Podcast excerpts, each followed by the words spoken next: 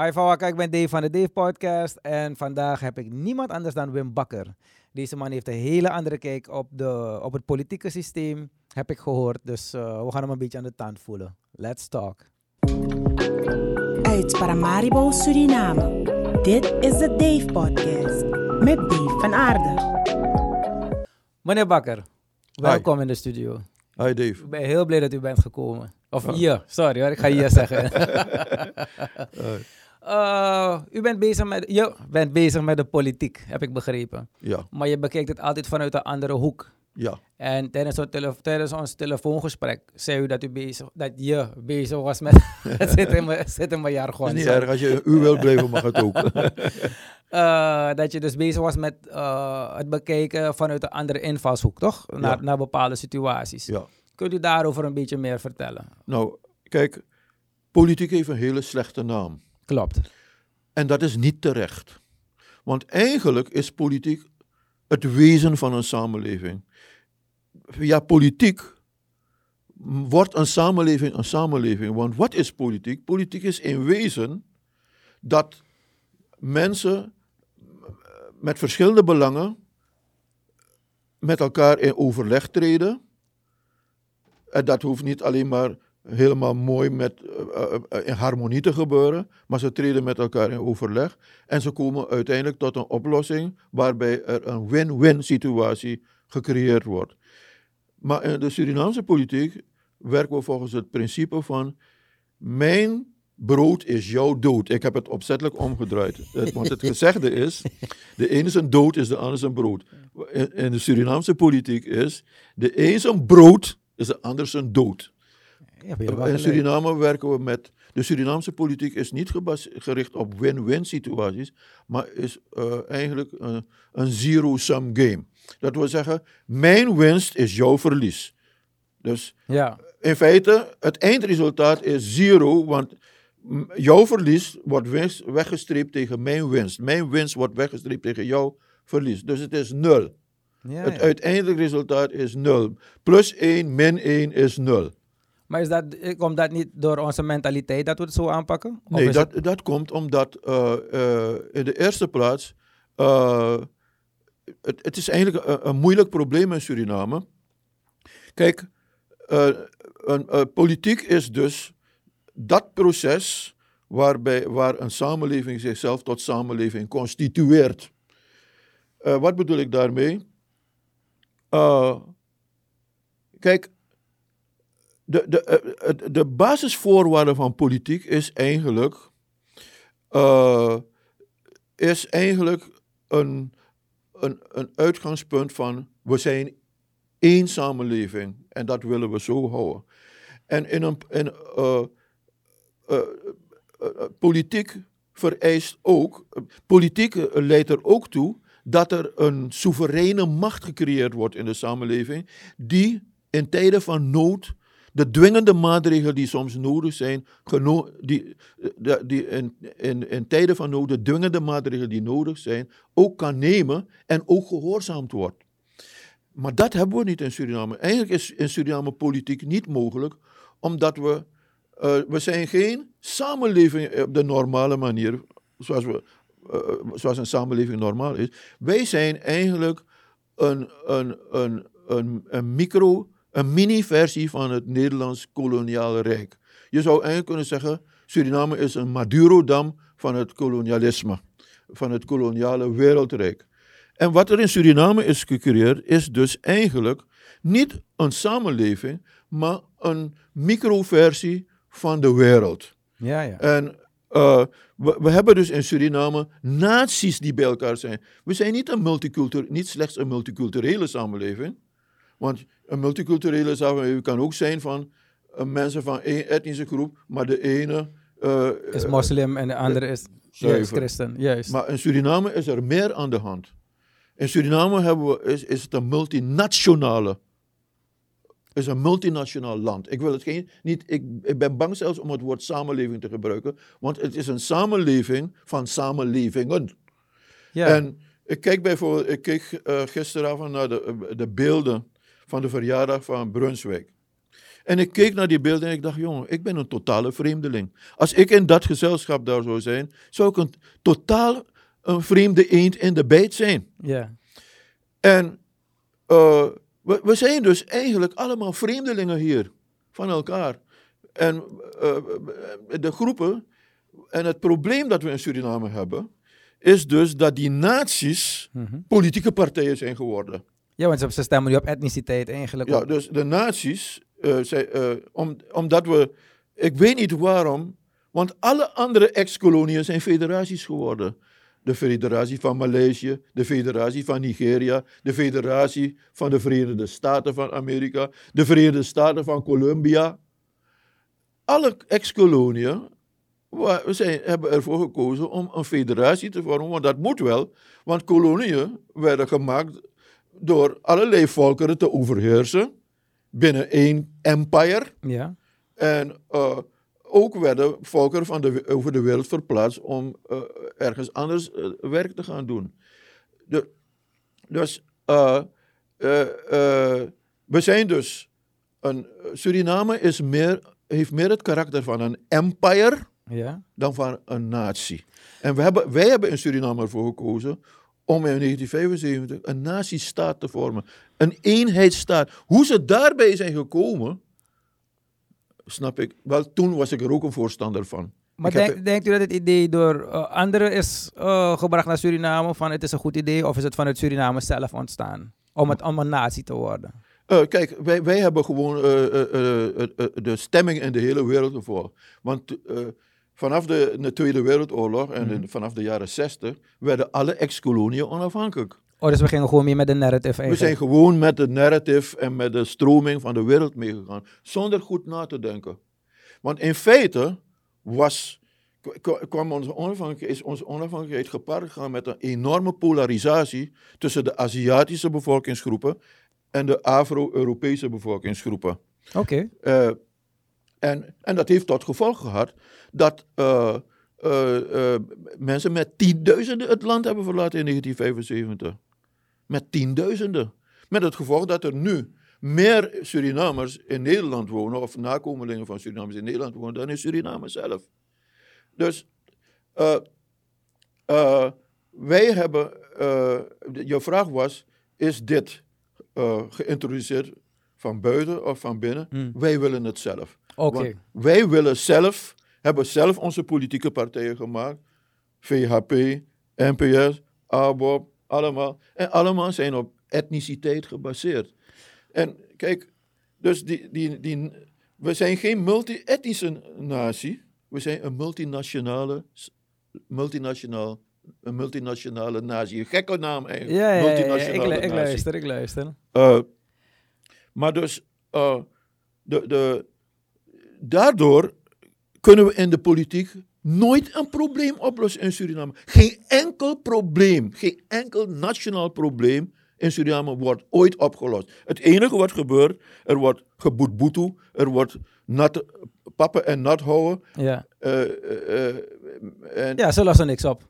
Er wordt niks opgelost, dat is een er feit. wordt nooit iets opgelost, maar er kan iets opgelost worden, omdat onze samenleving, Surinaamse samenleving, niet in staat is die soevereine politieke macht, die op een gemeenschappelijke cultuur, gemeenschappelijke taal eh, en, en, en elkaar begrip voor elkaar, die, die soevereine macht die nodig is om een land in tijden van nood te regeren, Ja. om het te verdedigen tegen COVID, om het te verdedigen tegen invallen van buiten, om het te verdedigen tegen rampen van de natuur. Eh, Alles is een Spanje eigenlijk. de- huh? Alles is een hoofdpijn eigenlijk om Ja. op te lossen. Maar eh, dat gezegd hebben, dat die basis zo slecht is, toch? U heeft, u heeft onderzoek gedaan. Eh, heeft u wel dan gezien wat misschien een manier is hoe we het dan wel goed kunnen doen in Suriname? Stel Ja. dat u per ongeluk eh, de macht... Intersection, intersectionaliteit. Intersectionaliteit. intersectionaliteit betekent dat je dus de tegenstellingen, Mhm. want er zijn vele tegenstellingen tussen mensen. De tegenstellingen tussen de bezitters van de productiemiddelen en de mensen die alleen maar hun lichaam hebben en hun hoofd en arbeid hebben om te verkopen. Ja. Dat, zijn de, dat is de voornaamste tegenstelling. De tegenstelling tussen bezitters En de, eh, eh, en de mensen die Niks arbeid hebben alleen Ja. om te geven. Mhm. Andere tegenstellingen zijn stad, district, man, gender, mannen, vrouwen, etnische tegenstellingen. Eh, eh, en eh, wat we kunnen doen, we kunnen bijvoorbeeld die etnische tegenstellingen, die dus, dus eigenlijk het voornaamste lijken te zijn, Ja. maar ze zijn het niet. De werkelijke belangrijke tegenstelling is tussen geld en geen Dus geld. dat wil ik net zeggen. Dat is de echte tegenstelling. Ja, ja. Maar die wordt voor de meeste mensen onzichtbaar gemaakt, omdat de mensen leren dat etnische tegenstellingen de belangrijkste tegenstellingen zijn. Willen we de etnische tegenstellingen oplossen, dan zullen we de, de, de, de tegenstellingen die dwars door de etniciteit kruisen, Ja. transection, transsectionaliteit, dat wil zeggen gender bijvoorbeeld. Ja. Uh, de, de belangen van vrouwen versus mannen of de belangen van uh, uh, uh, mensen met verschillende seksuele voorkeuren.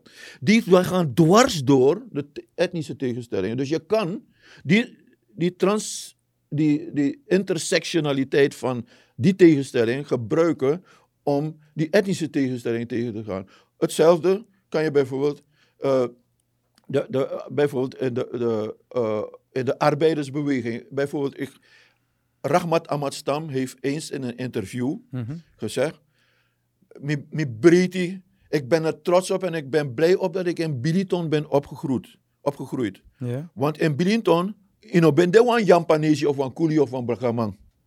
In Biliton waren we allemaal Biliton. We waren allemaal Biliton. En zo, daar zie je dat die intersectionaliteit van arbeiders tegenover het bedrijf, Mhm. dat die in Biliton gemaakt heeft dat er Maar, Eh. maar hoe zou je dat dan hier implementeren, nu in de politiek dan? Je in moet de dan- politiek, ja. door eigenlijk de, eh, de strijd, de, de, een, een politieke beweging en, een- Mhm. en een daarop gebaseerd een partij, eh, die prioriteit geeft aan één punt en dat is het kapitaal onder democratische controle brengen. Want wat hebben we in Suriname? Het kapitaal wat we nodig hebben, moet altijd van buiten komen. En het kapitaal dat we zelf hebben, gaat naar buiten. Klopt. Er, er zijn Suriname, het kapitaal in Suriname wordt beheerst door tien concties of families. Ik heb het zelf niet uitgezocht, maar je leest het steeds.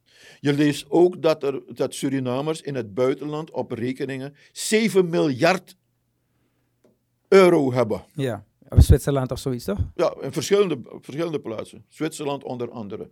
Mhm. Dus je ziet, het probleem van Suriname is dat wij als volk hebben niets. Wat we hebben is ons land. Ons land is ons grootste kapitaal. Maar het kapi- iets wordt pas kapitaal als het verkocht kan worden. Klopt. Dus we hebben die buitenlandse investeerders nodig om het goud eruit te halen, het hout eruit te halen. Maar uiteindelijk gaat het kapitaal allemaal weg.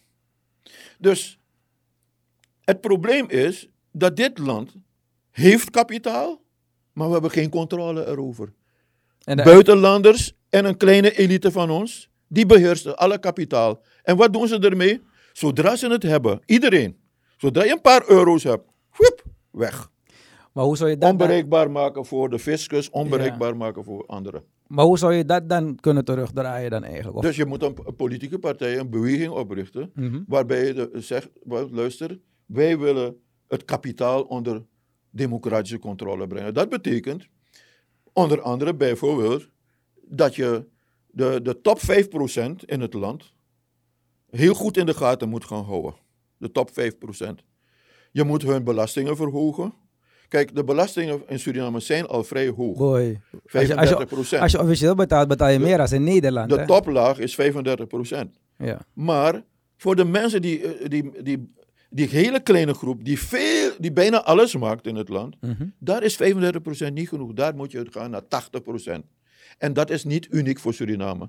Toen Amerika eh, in de grote crisis zat na de Eerste Wereldoorlog, de grote wereldcrisis, ja. toen heb je daar een president gehad, eh, Roosevelt. Eh, Eleanor Roosevelt nog? dat was zijn vrouw. oh, vraag. Eh, die man heeft Amerika met zijn New Deal, dat is een beroemde deal, New Deal heeft hij Amerika uit het slop gehaald. En wat hield die New Deal in? Een heleboel maatregelen. Maar één van de maatregelen van de New Deal was 90% belasting voor de top. 90. 90%. En daardoor. Kijk, en, kijk, en dat is gebeurd in het belangrijkste kapitalistische land van de wereld. Maar niemand weet het. Maar niemand, we, we weten het. maar- Ja, nee, maar niemand praat erover. maar, maar praat erover. En kijk, en wat is er gebeurd nu? Toen Reagan en Thatcher in de jaren 80 de macht overnamen, hebben ze dat allemaal teruggedraaid. Omdat, het, omdat het al goed ging in het land. En eh, dat dachten ze. Eh, en wat gebeurde er? Je ziet, vanaf toen, vanaf de jaren 80, is de, is de armoede in de, in de Verenigde Staten vreselijk gestegen. De concentratie van kapitaal, Het naar 1% of zo, toch? de, de concentratie van, van, kapitaal bij, eh, eh, in een steeds kleinere groep van de bevolking. Ja. We leven nu in een kapitalistische wereld waar de 35 rijkste personen meer bezitten dan de helft van de mensheid. Klopt. Dus je ziet, we hebben een probleem in de wereld en in Suriname. Suriname is deel van de wereld. Ja. Dus we, moeten het kapitaal onder. De, niet de kapitaal moet heersen over de mens, maar de mens moet heersen over kapitaal. Ik heb deze discussie gevoerd met verschillende mensen en ze zeggen, de, de, reactie die ik meestal krijg is, van luister, eh, kapitaal is een neutraal ding. Eh, eh, je kan het goed gebruiken of slecht gebruiken, maar je moet kapitalisten niet de schuld geven. Maar kapitaal is geen neutraal ding. Iemand die kapitaal heeft, verandert. Mom- Veranderd. Ja, misschien komt je ware aard naar buiten.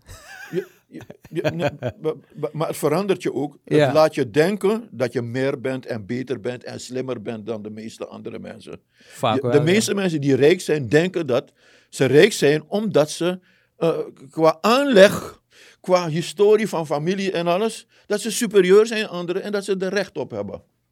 En, en dus kapitaal verandert de mens. Het maakt de mens hoogmoedig. Ja. Het, het maakt de mens dat hij denkt dat hij meer is dan een ander. En degenen die het niet hebben, die worden jaloers.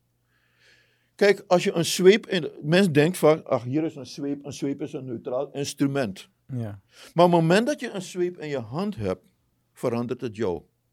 De man met een zweep in de hand wordt door het. De zweep is niet een instrument dat alleen maar doet wat de hand wil. De zweep is ook een instrument dat invloed heeft, net als elk ander machtsinstrument. Iemand met een machtsinstrument wordt door het bezit van die machtsinstrument wordt een, een ander mens. Hij wordt hoogmoedig, hij denkt dat hij meer is dan een ander. Die, die, de- dat, die trilogie van de, de Lord of the Ring is eigenlijk een Ajer-story over kapitaal, die ring. Ja, die ring. Ja, ja, ja. Als je die ring om hebt, verandert je hele... je- Ja, Schmiegel is helemaal gek geworden. Ja, daarvan. Ja, ja, ja. ja, ja. Begrijp je? Dus, en dat gebeurt, dat doet kapitaal met mensen. Kapitaal is niet een neutraal ding van, ach, je hebt het en je doet ermee. Nee, het verandert je. Je wordt een ander mens. En dus, kapitaal moeten, eh, we moeten, eh, eh, want wat is kapitaal eigenlijk? Kapitaal is niets anders dan gestold zweet van vorige generaties. Gestold bloed, zweet en tranen van vorige generaties. Dat is kapitaal. Ja. En wat zien we? Piketty heeft een boek geschreven. Mhm. Capital in the 21st Century. Dat boek is een eye-opener. Capital in the 21st century. Huh? Capital In the in- 21st Century. Oké, ga checken. Thomas Piketty. Oké. Zo'n pil. Nee, luisterboeken door. 900 pagina's. Jezus. Maar in dat boek laat hij zien dat een ondernemer die hosselt om kapitaal te verzamelen, het nooit kan winnen van iemand die kapitaal geërfd heeft. Want kapitaal levert meer inkomen op dan arbeid, systematisch.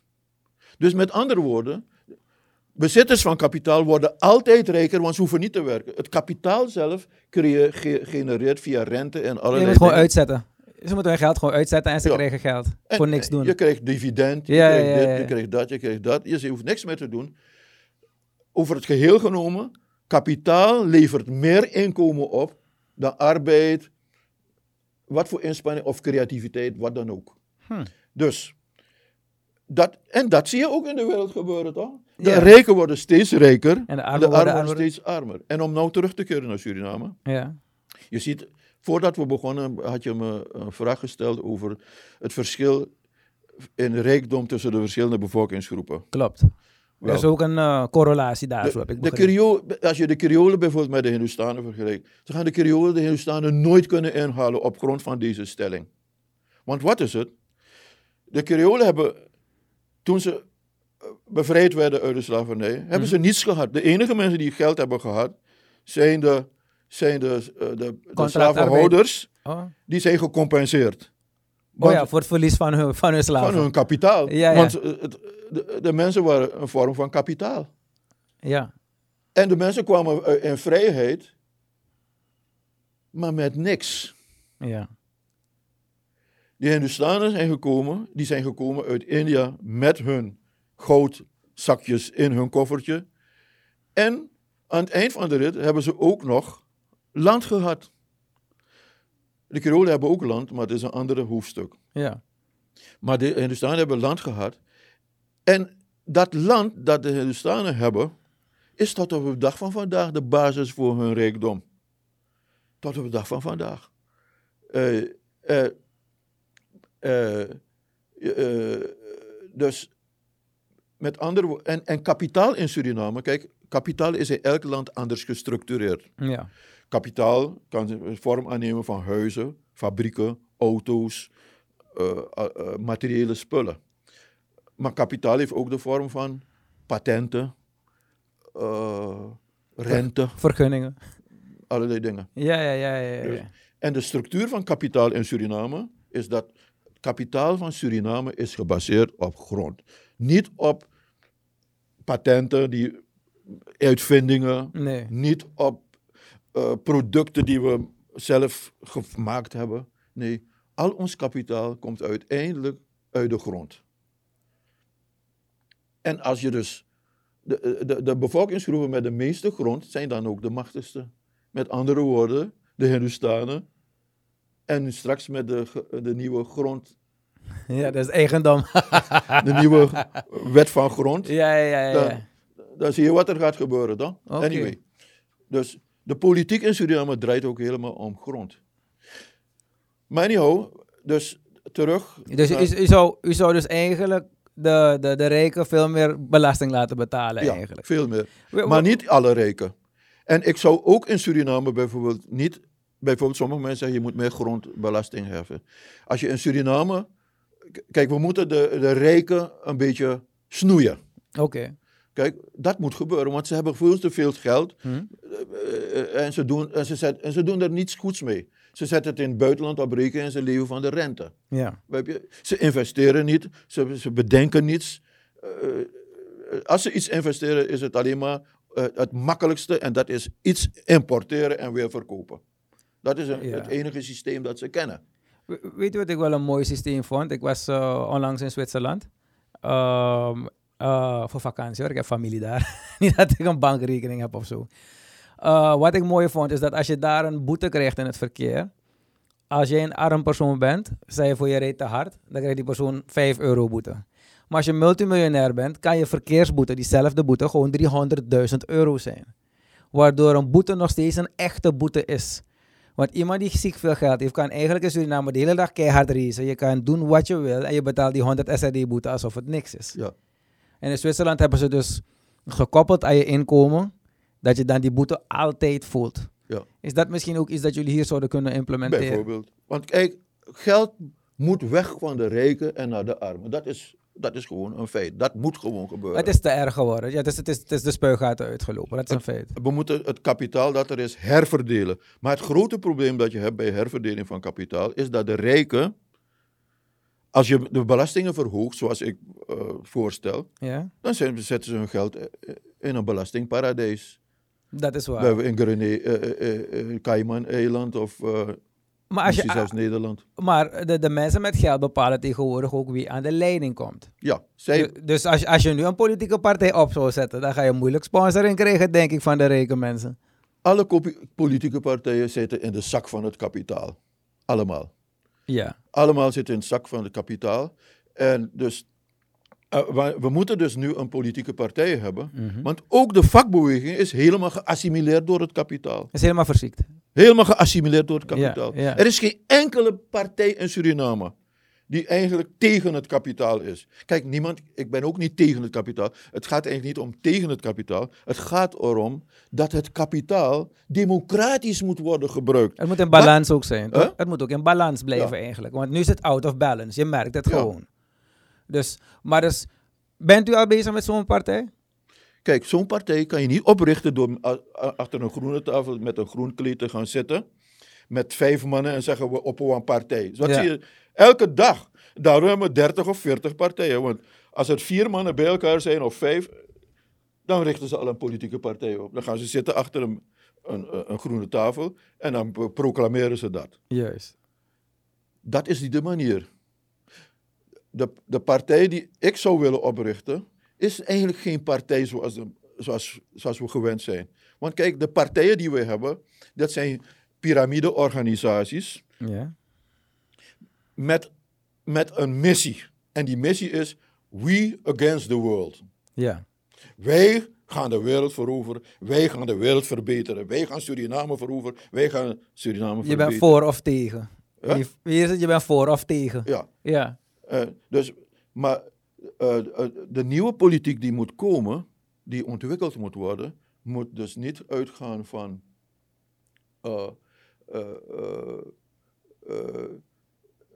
een, een, piramidestructuur, maar moet uitgaan van een netwerkstructuur.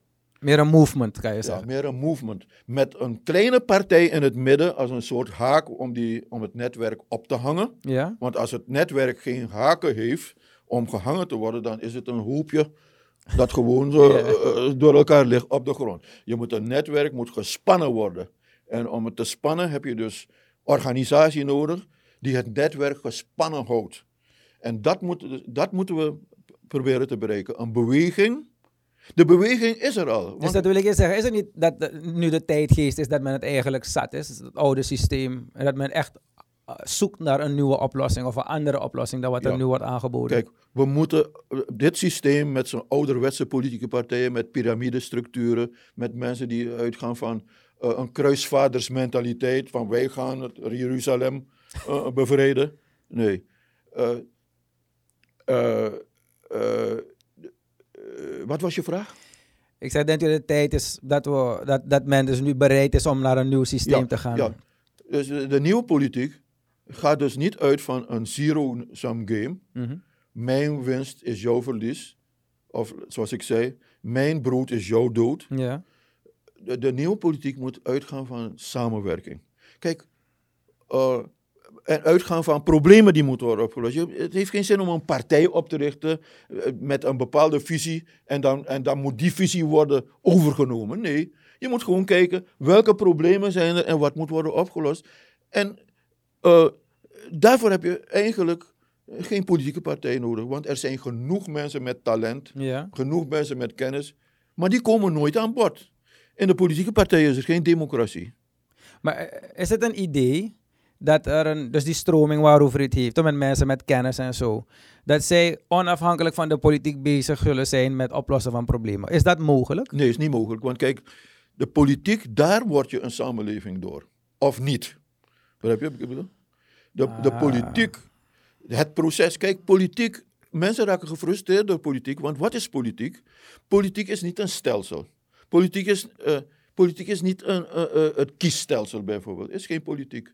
Politiek is ook niet een bepaalde ideologie. Politiek is een proces waarbij een heleboel mensen betrokken zijn. Ja, maar het is, het is zo, zo slecht eh, gepromoot de afgelopen jaren. Of de mensen in de politiek zelf, de politicians zelf, hebben zich eigenlijk lager dan wat ik onder mijn schoen heb ge- ge- gedragen. Waardoor men nu niks meer wil weten daarvan eigenlijk. Eigenlijk snakt men bijna nu naar een dictator. één baas die komt en iedereen gewoon Kijk, echte politiek is frustrerend omdat het een traag proces is. Echte politiek, daar praat iedereen mee over alles. Bent u het daarmee eens met dat systeem? Dus dat iedereen wat te zeggen heeft? Of heb je liever dat er één of twee zijn die juist het beter, uit, beter weten, laat maar het zo zeggen. En gewoon de rest iedereen volgen? moet kunnen praten. Ja? Iedereen moet in het politiek proces kunnen meedoen. En het politiek proces is dat, dat, dat alle mensen bij elkaar komen en alles wordt gewogen. En dan wordt er uiteindelijk een beslissing genomen die eh, het beste eh, de, de belangen van de meeste mensen dekt. Je gaat nooit alle mensen 100% Ja. kunnen dekken. Dus, eh, maar politiek is dus daardoor traag. En wat doen de eh, mensen die de macht hebben? Die hebben geen zin in politiek. Die willen wel onderhandelen, maar die onderhandelen alleen maar omdat het noodzakelijk is. De politieke partijen in Suriname onderhandelen met elkaar. Maar wat ze in de eerste plaats doen, ze beginnen eigenlijk de toegang tot de politieke arena te, af te sluiten. Hoe men, want hoe meer mensen je erbij betrekt, hoe moeizamer het proces wordt. En daar hebben ze geen zin in. Dus de mensen met macht, die, het eerste wat ze doen, is de arena afsluiten. Niet iedereen mag komen. Maar begrijpt u dat stukje wel? Omdat in de tijd van tegenwoordig, hoe alles zo snel gaat, heeft men wel nog tijd om op de oude manier zo langzaam te werk te gaan?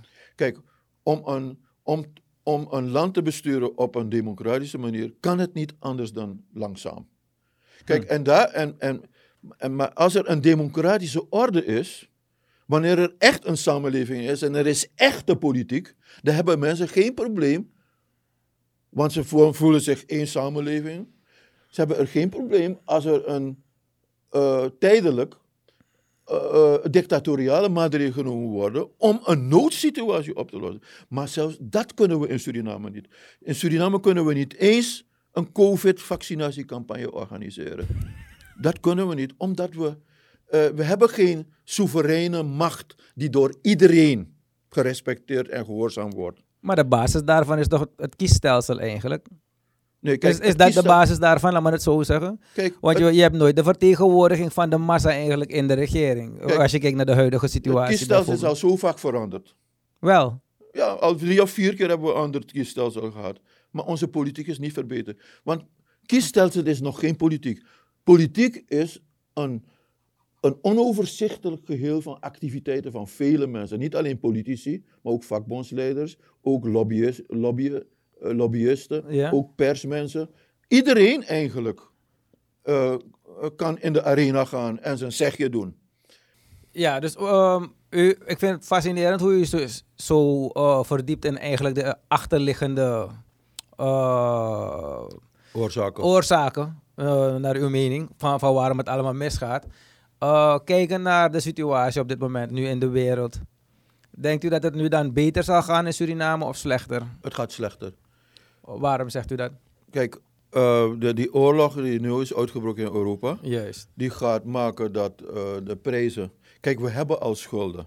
Ja? We hebben al onbetaalbare schulden. 75% van al onze inkomsten gaat naar rente of aflossing van schulden. Ja, maar goud is 75. omhoog, olie is omhoog. Dus we gaan meer verdienen, toch? Dan kunnen we onze schulden sneller betalen. Of bekijk ik het verkeerd? Dat moeten we nog kijken. Want de- de landen die olie hebben, zijn niet de landen die. eh, Ze zijn arm, ze zijn allemaal kapot. behalve Saoedi-Arabië.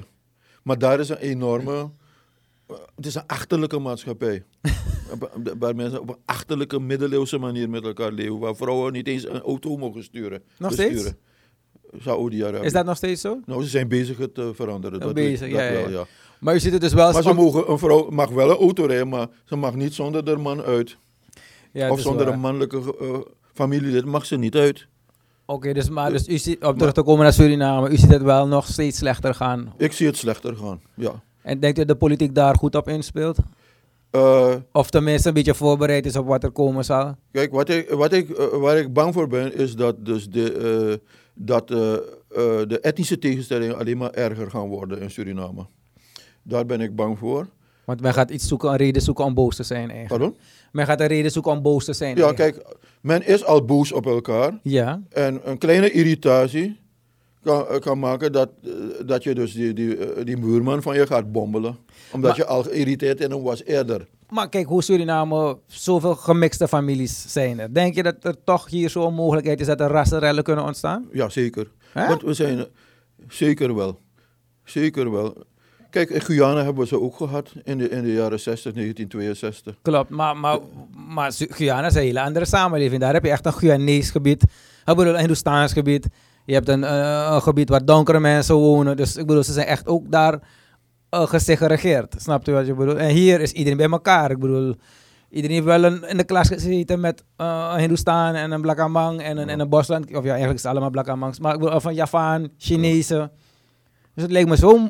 Bijna, maar ja, tegenwoordig kan alles. Maar het leek me zo ondenkbaar dat we bereid zullen zijn om tegenover elkaar te gaan staan. Kijk, in Weer. 2013 brak er een burgeroorlog uit in Sudan.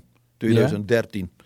En eh, ik kan me nog herinneren, ik keek naar tv en er kwam iemand van de United Nations, een hulpwerker die in Sudan werkte, en die zei van, jong, dit heb ik nooit zien aankomen. Alles ging zo lekker, we gaven hulp, de gemeenschap ging zich ontwikkelen. We hebben dit niet zien aankomen. Van het ene op het andere moment begonnen mensen elkaar uit te moorden. Neem bijvoorbeeld die, eh, die, die, die moorden in, eh, die volkerenmoord in, eh, van, tussen Tutsis en, de, Rwanda. en Rwanda. En, Hutus en Tutsis. ja, Ja. eh, dat is ook van het ene op het andere moment. Je, je ziet het niet gebeuren. Het is net als een aardbeving. Je loopt nou mooi eh, over de weg. Alles is picobello. En plotseling van, vanuit het niets komt er een aardbeving of een vulkaanuitbarsting. Ja, dus... Er zijn eh, spanningen onder de grond. Oké. En die zijn er ook in Suriname. In Afrika, dat ze het niet zien aankomen, vind ik een beetje raar. Omdat eh, als je kijkt naar de geschiedenis, toen Afrika eh, geen kolonie meer was, hebben de Europeanen gewoon de kaart eh, met, met lijntjes verdeeld van oké, vakjes, dit zijn die landen. En ze hebben niet gekeken naar welke clans of welke, hoe zoiets, welke, Stammen, welke stammen volkeren. kunnen het met elkaar vinden. Want je had altijd wel vijandige stammen. En nu hebben ze bijvoorbeeld eh, de helft van één stam is in één land en de helft van een stam is in een ander land. En dan moeten ze ineens met een vijandige stam nu een land gaan draaien. Ja. Dus je hebt het eigenlijk onmogelijk gemaakt. Dus dat van die Hutus en die Tutsis, die snap ik wel. Ja, die Afrikaanse problematiek hebben we in Suriname ook. Want dat is het problematiek van een, van een multinationale samenleving. Mensen die elkaars taal niet begrijpen, mensen die elkaars cultuur niet begrijpen, mensen die vreemdelingen zijn voor elkaar. Vreemdelingen. Is het dan, niet, eh, is het dan misschien niet een idee voor deze regering? Want men heeft het steeds meer over die splitsing die er komt. Tussen de Hindustan vooral en de, en, en, en, en de Creool. Eh, dat men meer gaat werken aan natievorming. En zo ja, hoe doe je dat? Kijk, waarom, de grondoorzaak waarom eh, eh, de tegenstellingen tussen de etnische groepen op, eh, steeds op scherp komen, is niet omdat de mensen verschillend van elkaar zijn. Geld. Het, de grondoorzaak is het kapitaal. Daar zit het. Want nu is het zo dat mensen hun eigen uitbuiter, die lijkt op hun, eerder vertrouwen dan een, iemand die niet op ze lijkt, maar die ook wordt uitgebuit. Dus er is meer solidariteit tussen de, de have-nots met hun eigen etnische kapitalisten. Want ze hebben het idee dat hun kapitalist nog iets voor ze kan doen. Ze hebben hoop. Ze hebben hoop. Hoop. Ja, ja, ja. En, en, eh, en, wat doen, en de kapitalisten die richten dus politieke partijen op. Of ze richten niet op, maar ze beheersen het. En wat je dus krijgt, is dus dat Suriname en alle landen die zo zijn gestructureerd, permanent in een laaggradige sta- staat van burgeroorlog zijn. Waarom zijn we in constant in een la- En waarom lossen we geen enkel pro- nationaal probleem ooit op? Het gaat ook niet kunnen. Want wanneer de een iets wil, wil de ander niet. Ja. Je komt niet vooruit. Dus eh, er is dus sprake van een constante laaggradige burgeroorlog. En die hoeft maar heel weinig te hebben om in een openlijke burgeroorlog uit te barsten. Maar e- eigenlijk, als je... Want terwijl we praten, dan vallen kwartjes ook bij mij, laat me het zo zeggen. Ik heb, ik heb een, een, een, mattie van mij, woonde in Nederland.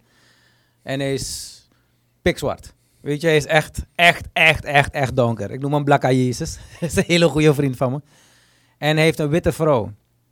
En ik zei van, had je dan geen last van eh, racisme binnen de familie? Toen zei hij nee, want ik ben rijk genoeg om geaccepteerd te worden. Hij verdiende genoeg. Toen ik iets van, huh? Toen zei hij, je moet één ding begrijpen.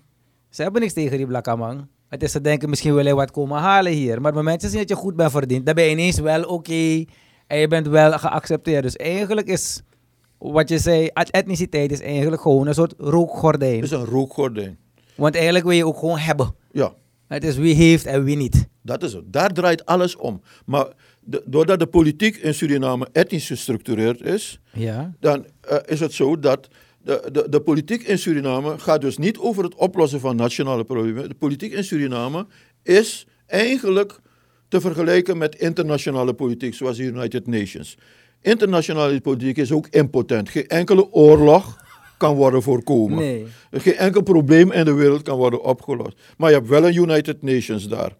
En uh, wat je ziet in Suriname is dat politieke partijen, die dus naties vertegenwoordigen, die streven naar uh, uh, maximalisatie van hun profit, van hun voordeel, en proberen tegelijkertijd die anderen een hak te zetten. Maar tegelijkertijd moeten ze ook het systeem in, in evenwicht houden. Ze proberen de, ze vechten onderling, de kapitalisten. Dus de, de Hindustaanse kapitalisten versus de Creoolse concurreren elkaar. De Chinezen zijn een andere groep weer. De Javanen zijn weer een andere groep.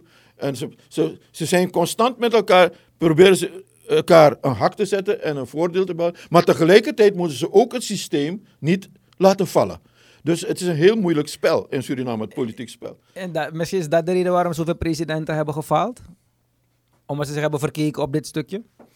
Ja, dus kijk, uh, uh, geen enkele president kan een succes zijn in Suriname. Omdat, kijk, uh, ik, ik vind dat Venetiaan van allemaal het nog het beste gedaan heeft. Mm. Omdat hij toch wel dat, die positie door zijn integriteit, daar iedereen geloofde. En waar iedereen respect voor had, had hij een klein beetje die positie die we nodig hebben. Van waar ik het over heb, die ja. soevereine macht die in staat moet zijn om een maatregel, dat kon hij wel niet, maar hij was wel in staat door vooraf met iedereen te praten, min of meer een bepaalde richting uh, de zaak uit te krijgen. Oké, okay, uh, een vraag. Uh, wie, wie, wie, wie ziet u als een betere leider? Bouters of Chan? Wie gaat er beter mee om dan met deze moeilijke situatie? Wie is er beter mee omgegaan althans? Niet kijken naar corruptieve handelingen en weet ik veel. Bouters was een meester in het manipuleren van dit systeem. Dus als je het bekijkt vanuit wie is beter in het manipuleren van die etnische emoties, beter in het manipuleren van die tegenstelling tussen arm en rijk. wie is daar beter in? Dan denk ik dat Bouterse daar beter in was. Maar als je me vraagt wie voor Suriname een betere president is, dan zeg ik zonder meer Chantoki. Ja. In de eerste plaats vind ik het belangrijk dat, we dat Suriname nu een Hindustaanse president heeft, omdat we dan met z'n allen moeten leren van luister, dat is ook mogelijk. Begrijp je? Dat is ook mogelijk en ja. op die manier, want eigenlijk zitten de Surinaamse Creolen precies in dezelfde positie als de witte mensen in Amerika tegenover Obama. Oké. Je weet wat Obama teweeggebracht heeft. Ja. Er is, doordat Obama president is geworden, zijn de witte mensen in Amerika. Het, het is weer wakker geworden. Ja. Laat me het zo formuleren. Ja, ja, ja. ja. en al die uh, uh, white supremacist bewegingen, die, hun, ze groeien, ze groeien, ze groeien. Dat is een respons van. Kijk, de Amerikaan dacht, de witte Amerikaan dacht altijd, en hij was het ook, ik ben de standaard Amerikaan. Ja. De anderen zijn etnisch. Ze zijn geïmporteerd. zo waren wij Creolen, dachten wij altijd. Wij Creolen, wij zijn de standaard Surinamers. Dat is waar, ja. En, en, en nu blijkt dat niet meer waar te zijn.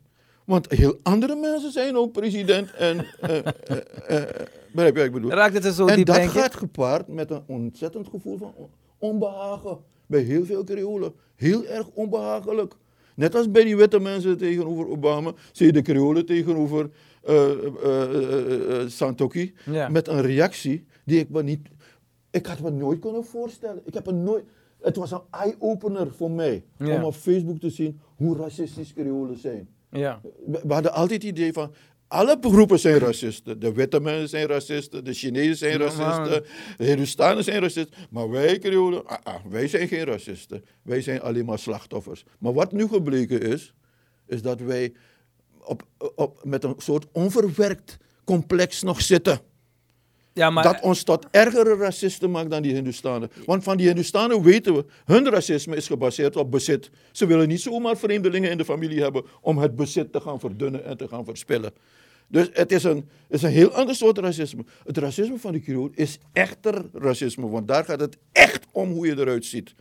Bij wat ik bedoel? Bij de Hindustanen is er racisme, maar... Totdat je met geld En komt. bij die Nederlanders is er racisme. Maar uh, if je ababa zit, if je kwam een mooi biggie dan word je geaccepteerd. Ja. Begrijp je? Maar de- dat is dus een ander soort racisme. Is een racisme dat gebaseerd is op materiële belangen. Maar het racisme van de Creool is puur psychologisch. Ja, want het is wel zo dat als een blanke man zou zeggen, hé hey, neger, is het een groot probleem. Maar de blanke man zegt wel altijd die kawetman, die boeroe, die dit. Dat wordt niet eens meer gezien als een vorm van racisme. Maar eigenlijk is het precies hetzelfde. Het is hetzelfde. Eh, het is hetzelfde. Eh, dus, Maar dat, waarschijnlijk uit, uit de geschiedenis durft men ook, they let it slide. Want het is net als die Duitsers. Die Duitsers, Ja. Ze- het wordt eerder geaccepteerd dat een donkere man racistisch is, omdat ze iets hebben van op basis van de geschiedenis wordt het wel eventueel geaccepteerd. Snapt u? Want het is Ja. net als die Duitsers. Ze durven ook niet meer agressief te zijn, Nee. omdat ze zich schuldig voelen precies. van wat de nazi's hebben gedaan. Ja. Ik denk dat dat nog maar eventjes gaat duren. Ja. Kijk, ja. En dan gaan ze weer ontpoppen tot eh, wie ze waren. Maar goed. Ehm, maar eigenlijk heeft u me dus hier in niet mis te verstaande woorden verteld dat we een groot probleem hebben in dit land. Ja, de wereld heeft een probleem, Suriname heeft een probleem, het kapitaal is het probleem. Want je ziet wat er gebeurt in Suriname. Eh, het binnenland wordt vernietigd, Ja, zwaar. onze rivieren worden vergiftigd, ons stuwmeer wordt vergiftigd, wij worden vergiftigd. En er gebeurt niks. Maar eh, hoe kunnen we er wat aan doen? Want dat begint me steeds meer... Ik, ik ben bang dat een dag je de vlam uit de pan gaat, in de pan gaat vliegen. En eh, ja, om een systeem te veranderen moet misschien alles eerst kapot worden gemaakt. Want elke geboorte doet pijn. Maar het lijkt wel erop dat we daar naartoe, afste daar naartoe afstevenen dat eh, eigenlijk alles stuk gaat op dit moment. Is Ja. dat misschien een oplossing dat alles gewoon kapot moet gaan en dat men Nee. dan uit gezond verstand dan wat nieuws gaat verzinnen? Een echte revolutionair heeft respect voor traditie. Een echte revolutionair weet dat je niet alles kapot moet maken. Want, want, want, want eh, eh, er is heel veel goeds in het verleden. Ja. Ik ga een voorbeeld geven. We hebben, we hebben de adel weggejaagd. In de Franse revolutie en alle revoluties die geweest zijn, is de adel weggejaagd. Maar de goede dingen van de adel hebben we behouden. Etiketten. Netjes praten. Met u aanspreken.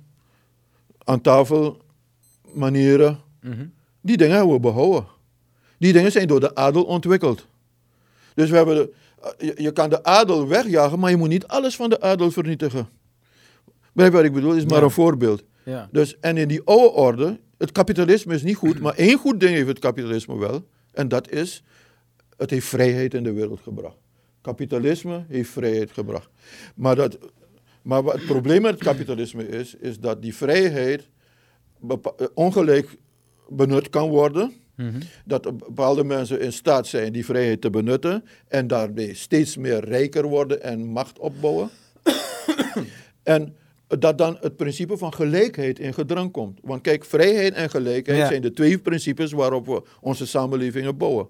En de vrijheid en de gelijkheid moeten samen in die weegschaal zijn. Want als je te veel vrijheid hebt, krijg je anarchie.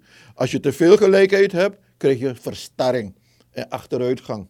Want je hebt die vrijheid van het individu nodig. Dus het kapitalisme heeft hele goede kanten. Het kapitalisme heeft ons bevrijd uit het, het feodalisme. Heeft ons bevrijd van koningen en adelen Ja. en adellijke figuren. eh, en- en erfelijke macht. Maar vandaag de dag begint kapitalisme zelf steeds meer daarop te lijken. Dus dat wil ik zeggen, want ik, ik begin eigenlijk. eh, ik, ik zie bijna niet meer de. Tuurlijk, eh, geld is leuk en alles en zo. Maar als ik kijk naar bijvoorbeeld de, die, die vrouw die bij, bij, bij mij bijvoorbeeld thuis komt om te helpen met, de, met huishouden. We noemen ze hier dienstvrouw dan, laat me het zo zeggen. Het geld dat zij verdient is bijna niks.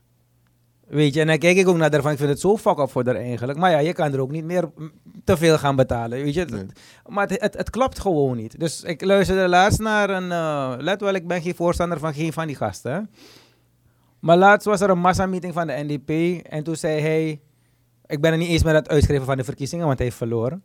Maar is het niet het idee dat ze werkelijk bij elkaar even gaan zitten van... Hey guys, dit spelletje gaat ophouden een van deze dagen. Want de coalitie of oppositie, wanneer de massa op straat komt... gaan ze alles opruimen daarvoor. Zo zie ik het althans. Kijk, de massa heeft geen creativiteit. De massa is een amorf ding. Er zit heel veel power in de massa. Ja. Maar net als gasoline, gasoline dat gewoon in een jerrycan zit, kan niets, het kan alleen ontploffen. Ja. Wat ik bedoel, eh, om, om gasoline productief te maken moet je een mechanisme hebben, een motor. En een heel ingewikkelde motor Ja. om die power die in die gasoline zit, om te zetten in een draaiend wiel. Mooie, Dus er mooie, is mooie ontzettend veel power in de massa. Ja. Maar het is een amorfe power. En je hebt een politiek systeem nodig om die power om te zetten in beleidsproducten, in, in zaken, in producten die, eh, eh, eh, die, die, de samenleving een beter leven bezorgen. Dus de, kijk, en daarom is het nodig dat de massa altijd beheerst moet worden, ook wanneer ze op straat gaan.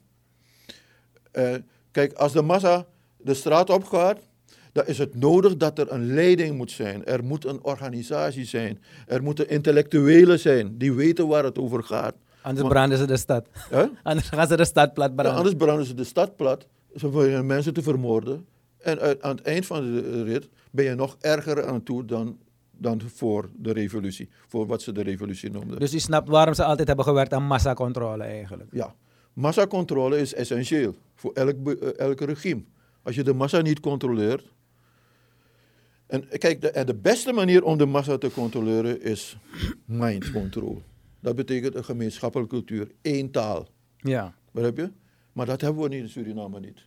Ja, hier zouden ze sowieso een inburgeringscursus moeten beginnen bij iedereen die hier wil komen wonen. Dat heb je in Nederland ook. Je moet gewoon de taal spreken. Ja, Weet je, want hier doen ze dat niet. Dat is jammer. precies. Dat is jammer, ja. Je hebt hele Portugese wijken. Dat als je zelf naar de winkel gaat, als je geen Portugees weet te praten, dan houdt het op. Ja. Maar ik vrees niet voor de massa in Suriname. Dat er mensen de straat op gaan en dat er gewelddadigheden in staat. Ik vrees niet. Waarom? De jonge mannen die dat zouden doen, die zitten in de goudvelden.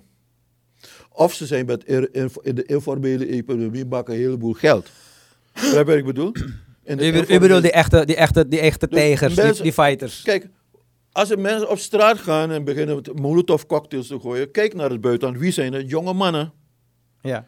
Mannen 22, 23, 24, die, die zijn Ja. het gevaarlijkst. Ja, ja, Ja. Die mannen denken niet Die na. mannen, die mannen zorgen, voor- zorgen voor de straatpunch van de revolutie. Maar die straatpunch op zichzelf is misschien wel een, een, een ding om de zaak te schudden, waardoor er iets nieuws naar binnen kan komen. Mhm. Maar op zichzelf leidt het tot niets, want er is geen creativiteit in die massa die op straat rent. Er is geen creativiteit, het kan alleen maar vernietigen. Dus eh, het kan vernietigen, maar het kan niets maken. Ja, de, studenten hadden toen ook als eerst een blok gevormd tegen die militairen hier. En toen hebben de, de leraren, toen die studenten, ze hebben het overgenomen eigenlijk. Maar het waren de jongeren die, die die push gaven. Dus je hebt die jongeren nodig en je hebt die massa nodig, maar je hebt ook die leiding nodig. Maar die massa hebben we niet, want de, de, de, de, de, de, de mensen die op straat zouden kunnen gaan of zouden gaan en die dat zouden doen, die zijn er niet. Die zitten in het binnenland, die zitten in de goudvelden. 20.000 jonge mannen van ons zitten in de goudvelden. is er zoveel, zijn er zoveel mensen op dit moment in de goudvelden? Dat zijn de schattingen. Men schat dat er 30.000 eh, Brazilianen in de goudvelden zitten. En eh, eh, neem, maar, neem onze mensen. Ik, kijk, ik, ik heb vrienden die ik in geen jaren meer heb gezien. Want ze zitten al jaren in het binnenland in de goudvelden. Ze komen niet eens meer naar de stad. Ik heb gehoord, Bensdorp heeft meer dan 15.000 mensen, heb ik ook begrepen. Ja, klopt. Zou dus. best kunnen. Ja, dat heb ik gehoord, ja. Maar ik ben er nooit geweest, dus ik kan Het het is groter dan Nikeri. Ii. Ni- district Nikeri heeft 40.000 inwoners, of minder, 35.000. Nieuw Nikeri is, is, is net Bensdorp, denk ik. 15.000 of 20.000 mensen. Dus Oh, ik heb het nooit zo bekeken, maar nu je het zegt in cijfers, dan denk ik van verrek, er zijn echt veel mensen in het binnenland bezig, ja. ja. En daarom hoeven wij in Paramaribo niet te rekenen op massa op straat. Chan hoeft niets te vrezen. De massa gaat niet komen, want Maar de massa is er niet. Maar dus de leiding is ook daarvan bewust. Ik weet niet of ze zich daarvan bewust zijn. Ja, nu wel. Eh, maar dus je zegt, dat, dat, dat soort tafereelen ga je niet hebben. Ook niet als de olieprijs omhoog blijft gaan en al dat soort dingetjes. Ziet u geen Nee, rellen ik, ik ontstaan? verwacht geen explosies. Waarom? Er, zijn te veel, er is te veel geld uit drugs en informele activiteiten, waardoor mensen zoet gehouden worden. Eh, Juist de mensen, juist de, de gemarginaliseerden, Ja, de onderlaag, ja. die profiteert het meest van die informele economie. Eh, Het zijn dus, het zijn eigenlijk mensen in de, eh, eh, in de stad. Ja. Maar wie zijn die?